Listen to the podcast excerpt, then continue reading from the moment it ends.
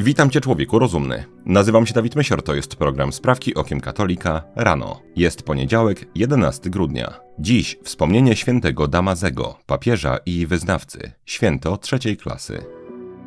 Wszystkie sprawy nasze prosimy Cię, Panie, natchnieniem Twoim uprzedzaj, a pomocą wspieraj, aby wszelka modlitwa i praca nasza od Ciebie się poczynała i przez Ciebie się kończyła. Przez Chrystusa, Pana naszego. Amen.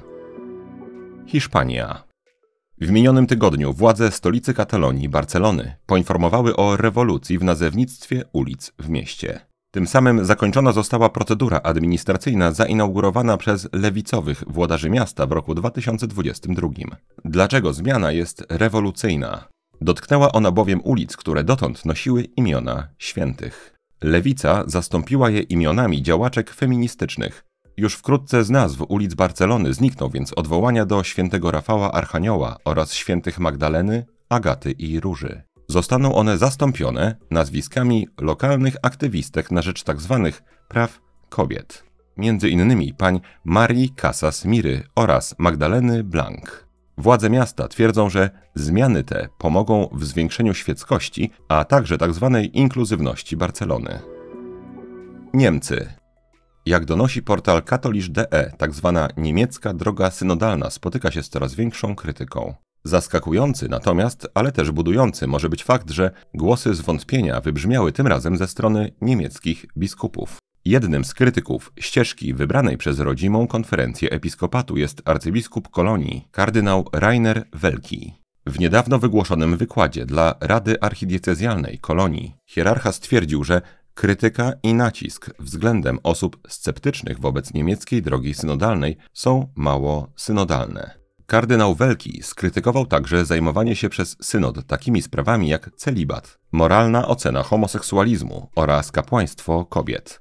Podobne wątpliwości wyraził ordynariusz pasawy biskup Stefan Oster, który zwrócił uwagę na uzurpatorskie próby zarządzania kościołem przez tworzone przez niemiecki episkopat nieoficjalne gremia złożone z biskupów i świeckich. Trzecia sprawka to krótka żywotów świętych, dawka. Dziś obchodzimy wspomnienie świętego Damazego, papieża i wyznawcy. Urodził się on około roku 305 w Rzymie jako syn rzymskiego kapłana Antoniusza.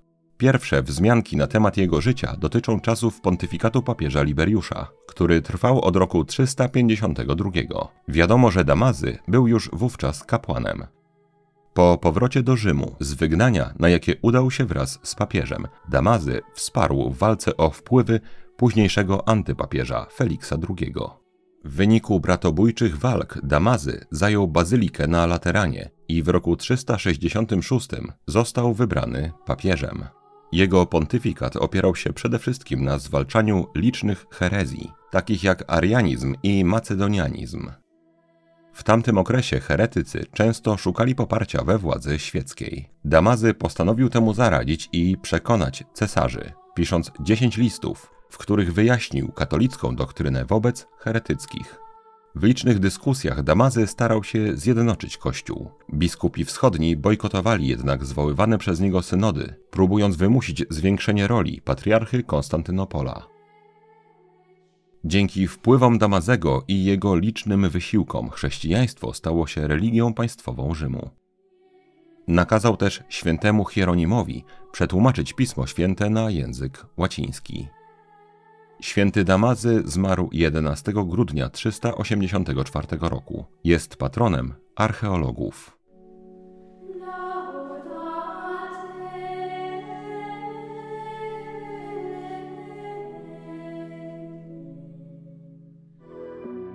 Estonia.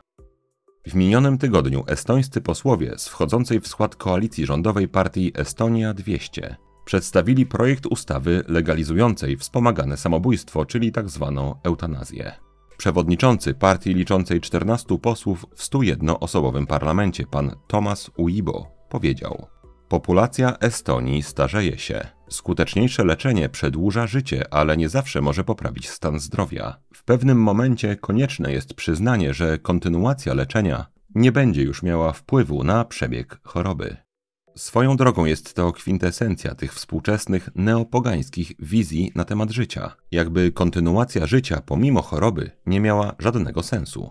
Uzasadniając projekt ustawy, pan Uibo zauważył, że regulacje dotyczące eutanazji są obecne w wielu krajach Europy Zachodniej i nadszedł czas, aby Estonia również w tej kwestii poszła w ślady Zachodu. Polityk stwierdził ponadto, że legalna eutanazja zatrzyma tzw. Tak szarą strefę, czyli dokonywanie wspomaganych samobójstw na własną rękę przez Estończyków. To również jest dość częsta myśl współczesnej rewolucji. Jeżeli nie chcemy, żeby ludzie łamali prawo, zmieńmy prawo. To była sprawka czwarta, a po niej reklama, uwagi warta. Jedną z najczęstszych próśb kierowanych do redakcji sprawek Okiem Katolika jest ta o poruszenie tematu wychowania dzieci. Z naszych obserwacji wynika, że po porady dotyczące wychowania nie warto zaglądać na portale internetowe czy do nowoczesnych poradników. Bardzo często można tam znaleźć porady wątpliwej jakości, niemal zawsze oparte na nowoczesnym, zwodniczym koncepcie istoty ludzkiej. Doskonałym i godnym polecenia przewodnikiem po zasadach katolickiego wychowania wychowania jest książka generałowej Jadwigi Zamojskiej o wychowaniu. Ten ponadczasowy poradnik pokazuje w prosty sposób, jak wychowywać w oparciu o prawdy wiary. Pomaga oprzeć proces wychowania na solidnym fundamencie głębokiej, przemyślanej i sprawdzonej przez wieki katolickiej pedagogiki. Książka została wydana przez zasłużoną fundację Servire Veritati Instytut Edukacji Narodowej jest sprzedawana w księgarni Prawe Książki. Dochód fundacji ze sprzedaży książek przeznaczany jest na wydawanie kolejnych, w naszych czasach unikatowych pozycji, dotyczących w większości katolickiego wychowania i edukacji. Link z możliwością zakupu tej bardzo pomocnej dla rodziny, ale również dla narodu książki będzie pierwszym linkiem w opisie tego odcinka. Stany Zjednoczone i Kościół.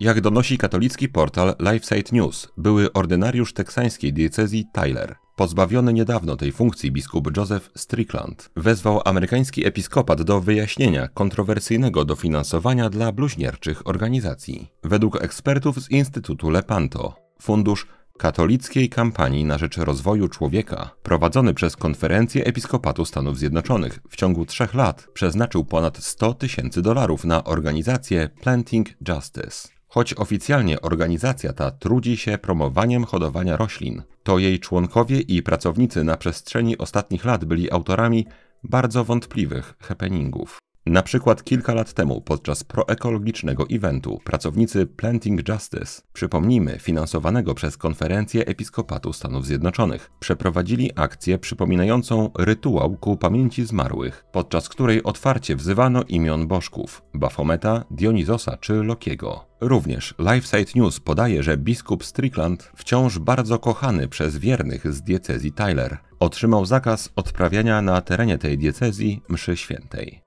Polowanie na hierarchów konserwatywnych trwa. Ponownie Stany Zjednoczone.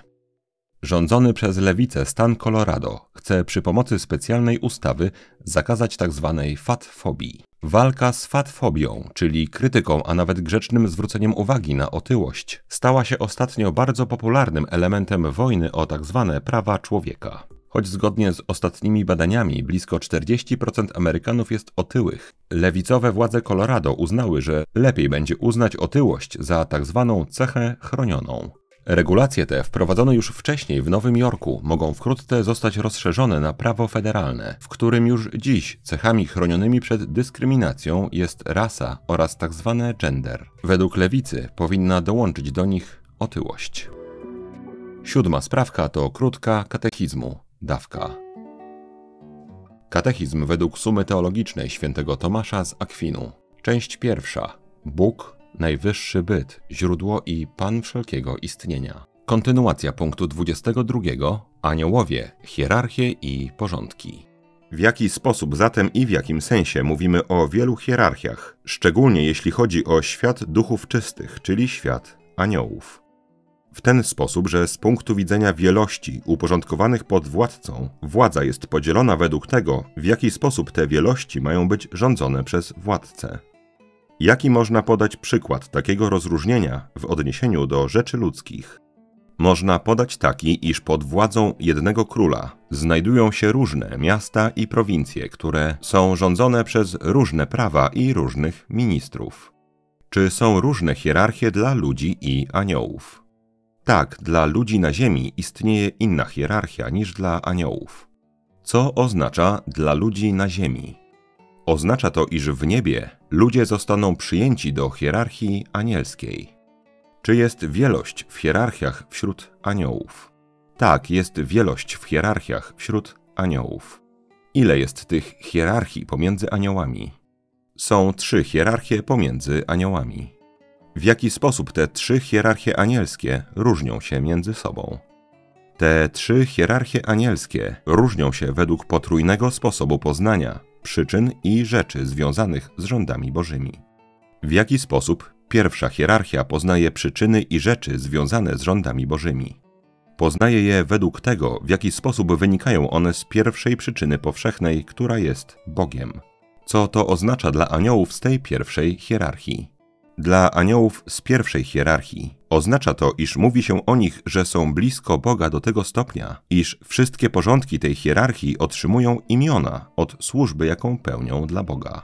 W jaki sposób druga hierarchia poznaje przyczyny i rzeczy związane z rządami bożymi? Poznaje je według tego, w jaki sposób wynikają one z powszechnych przyczyn stworzonych. Co oznacza to dla aniołów z tej drugiej hierarchii? Dla aniołów z drugiej hierarchii oznacza to, że otrzymują swoje oświecenie od pierwszej hierarchii, a ich porządki otrzymują nazwy od służby, jaką pełnią na rzecz wszystkich stworzeń rządzonych przez Boga. W jaki sposób trzecia hierarchia poznaje przyczyny i rzeczy związane z rządami bożymi? Poznaje je według tego, w jaki sposób wynikają z pierwszej przyczyny powszechnej, która jest Bogiem. Co to oznacza dla aniołów z trzeciej hierarchii? Oznacza to dla aniołów z trzeciej hierarchii, że otrzymują oni światło Boże według form specjalnych, które pozwalają im porozumiewać się z naszymi rozumami tu na Ziemi, a ich porządki otrzymują imiona od działań skierowanych na jakiegoś człowieka. Tak się dzieje w przypadku aniołów stróżów jakiejś prowincji, tak jak dzieje się to w przypadku księstw. Czy przykład takiego potrójnego podziału możemy odnaleźć w jakichś rzeczach ziemskich? Od odpowiedzi na to pytanie zaczniemy jutro. Zjednoczone Emiraty Arabskie. Znana w niemieckim środowisku ekoterrorystów aktywistka pani Luisa Neubauer uraczyła świat najnowszym nagraniem ze stolicy Emiratów, Dubaju. Pani ekoaktywistka, jak przystało na zwolennika zeroemisyjności, przybyła na klimatyczny szczyt oczywiście samolotem. W swoim nagraniu zaadresowanym do innych aktywistów pani Neubauer skarżyła się na miasto, w którym odbywa się zlot. Jej zdaniem Dubaj nie jest odpowiednim miejscem na ekokonferencję. Również luksusowy hotel, w którym zakwaterowała się Niemka, został przez nią uznany za nieludzki pod każdym względem. Jakie to względy zdecydowały, że Niemka nie czuła się dobrze w Dubaju? Otóż głównym powodem, dla którego kobieta czuła się w Zjednoczonych Emiratach Arabskich nieodpowiednio i dla którego uważa, że Dubaj to nie jest dobre miejsce na rozmowy o globalnym ociepleniu, jest wysoka temperatura panująca w tym kraju. Polska.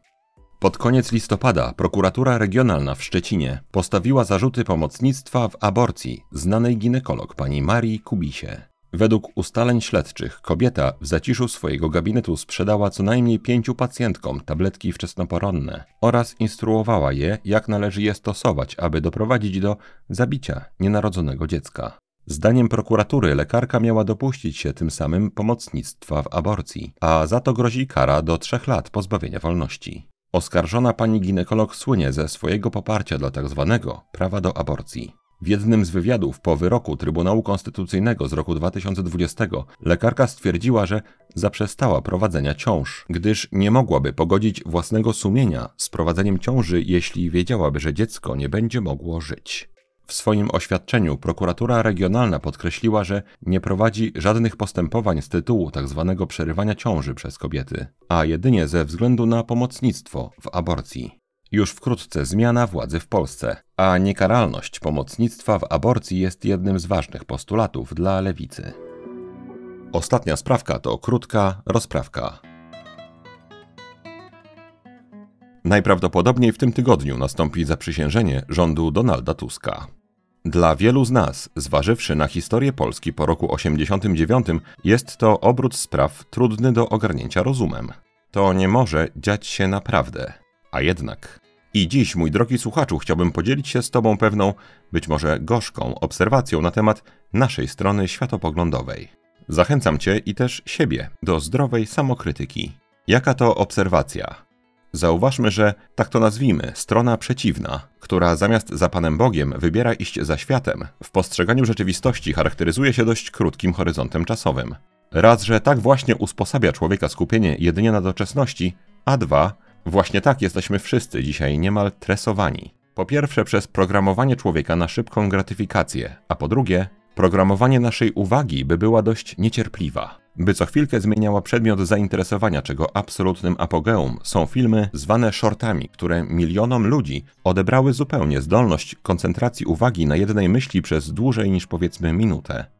Ale chcę zwrócić uwagę na to, że szybka gratyfikacja i smażenie mózgu dopaminą przez ciągle zmieniające się obrazy to nie są narzędzia nakierowane jedynie na niewierzących, na tych, którzy dali się zwieść utopijnym wizjom neomarksistowskim. My też jesteśmy w ten sposób programowani. I teraz jak to się ma do tej samokrytyki i jak to się ma do zaprzysiężenia rządu Tuska? Tak samo jak do wszystkich negatywnych zjawisk na świecie dziś. Moim zdaniem jednym z powodów, dla których katolicy nie umieją się im skutecznie przeciwstawić, jest to, że zabierają się za to z logiką charakterystyczną dla strony przeciwnej. Chcą szybkich rozwiązań, szybkiej gratyfikacji, szybkiego zwycięstwa. Nie chcą przyjąć do wiadomości, że nic tu nie wydarzy się szybko. To rewolucja ustanawia swoje porządki, czy raczej nieporządki, błyskawicznie. Porządek, który nam się marzy i który mamy obowiązek budować, niestety przywracać można jedynie powoli. Jeżeli więc dziś ponad połowa naszych rodaków ma w głowach i sercach ideę rewolucji neomarksistowskiej, trzeba wreszcie na spokojnie przyjąć ten tragiczny stan spraw do wiadomości i według mnie porzucić mrzonki o szybkiej, pozytywnej zmianie. Według mnie to właśnie z takich nierozsądnych oczekiwań bierze się pojawiająca się czasami w komentarzach tak zwana załamka. Nie ma szans na szybką poprawę? Załamka. Nie ma szans na szybkie zwycięstwo? Załamka. Tyle, że gdyby się nad tym uczciwie zastanowić, to szans na szybką poprawę, przynajmniej jeżeli chodzi o sprawy poważne, nie ma w zasadzie nigdy i w niczym. Swoją drogą to dlatego tak bardzo ważne jest, żeby nie pozwalać burzyć kultury, dorobku cywilizacyjnego, tożsamości, moralności narodu. Gdy już to nastąpi, a w Polsce niestety w dużej mierze nastąpiło. Odbudowa wartości w Polsce musi odbywać się powoli, konsekwentnie i organicznie. I nie jest też raczej w gestii żadnej partii politycznej. Warto, żebyśmy raczej porzucili nasze przywiązanie do szybkiej gratyfikacji. Bardzo warto też, moim zdaniem, żebyśmy wszyscy pamiętali, że postawa katolicka oznacza, że musimy walczyć, nie mamy obowiązku zwyciężać. A rozsądek też, według mnie, powinien skłaniać nas, byśmy przyjmowali perspektywę kilku pokoleń.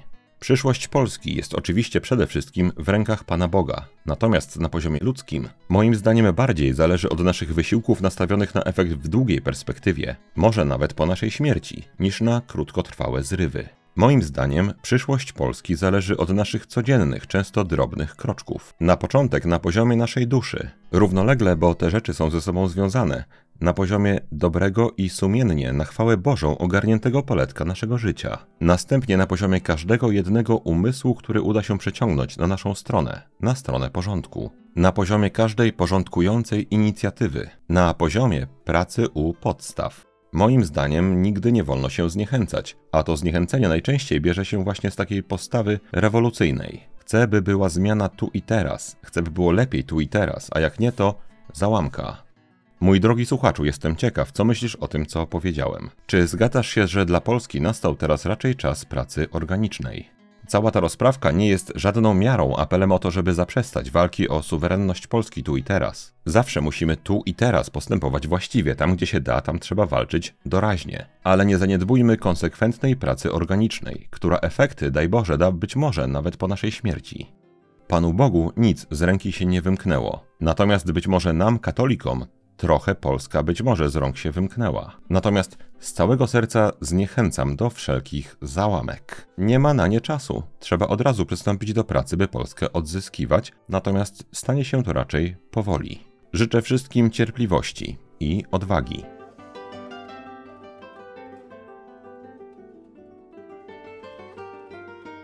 Maryjo, posłuż się mną dziś jak chcesz, wykorzystaj mnie jak chcesz. Byle tylko choć jeden grzesznik zszedł z drogi zatracenia, poszedł do spowiedzi świętej i zwrócił się ku Panu Jezusowi. To na dzisiaj wszystkie sprawki okiem katolika rano. Jeżeli chcesz nam pomóc, daj proszę łapkę w górę pod tym filmem na YouTubie i napisz komentarz. Jeżeli chcesz wesprzeć zespół Sprawek Okiem Katolika regularnie na Patronite lub tutaj na YouTubie, albo jednorazowo najmniejszą chociaż kwotą, to szczegóły jak można to zrobić znajdują się w opisie tego odcinka. Wszystkim bardzo dziękuję. Tych, którzy chcą być powiadamiani o nowych odcinkach, proszę sprawdzić, czy mają włączony dzwoneczek obok subskrypcji. Mój drogi słuchaczu, życzę Ci błogosławionego dnia. Święty Damazy, módl się za nami. Człowieku rozumny, trzymaj się, nie łam się i bardzo Ci dziękuję za Twój czas. Mam nadzieję, że do usłyszenia jutro. Zostań z Panem Bogiem.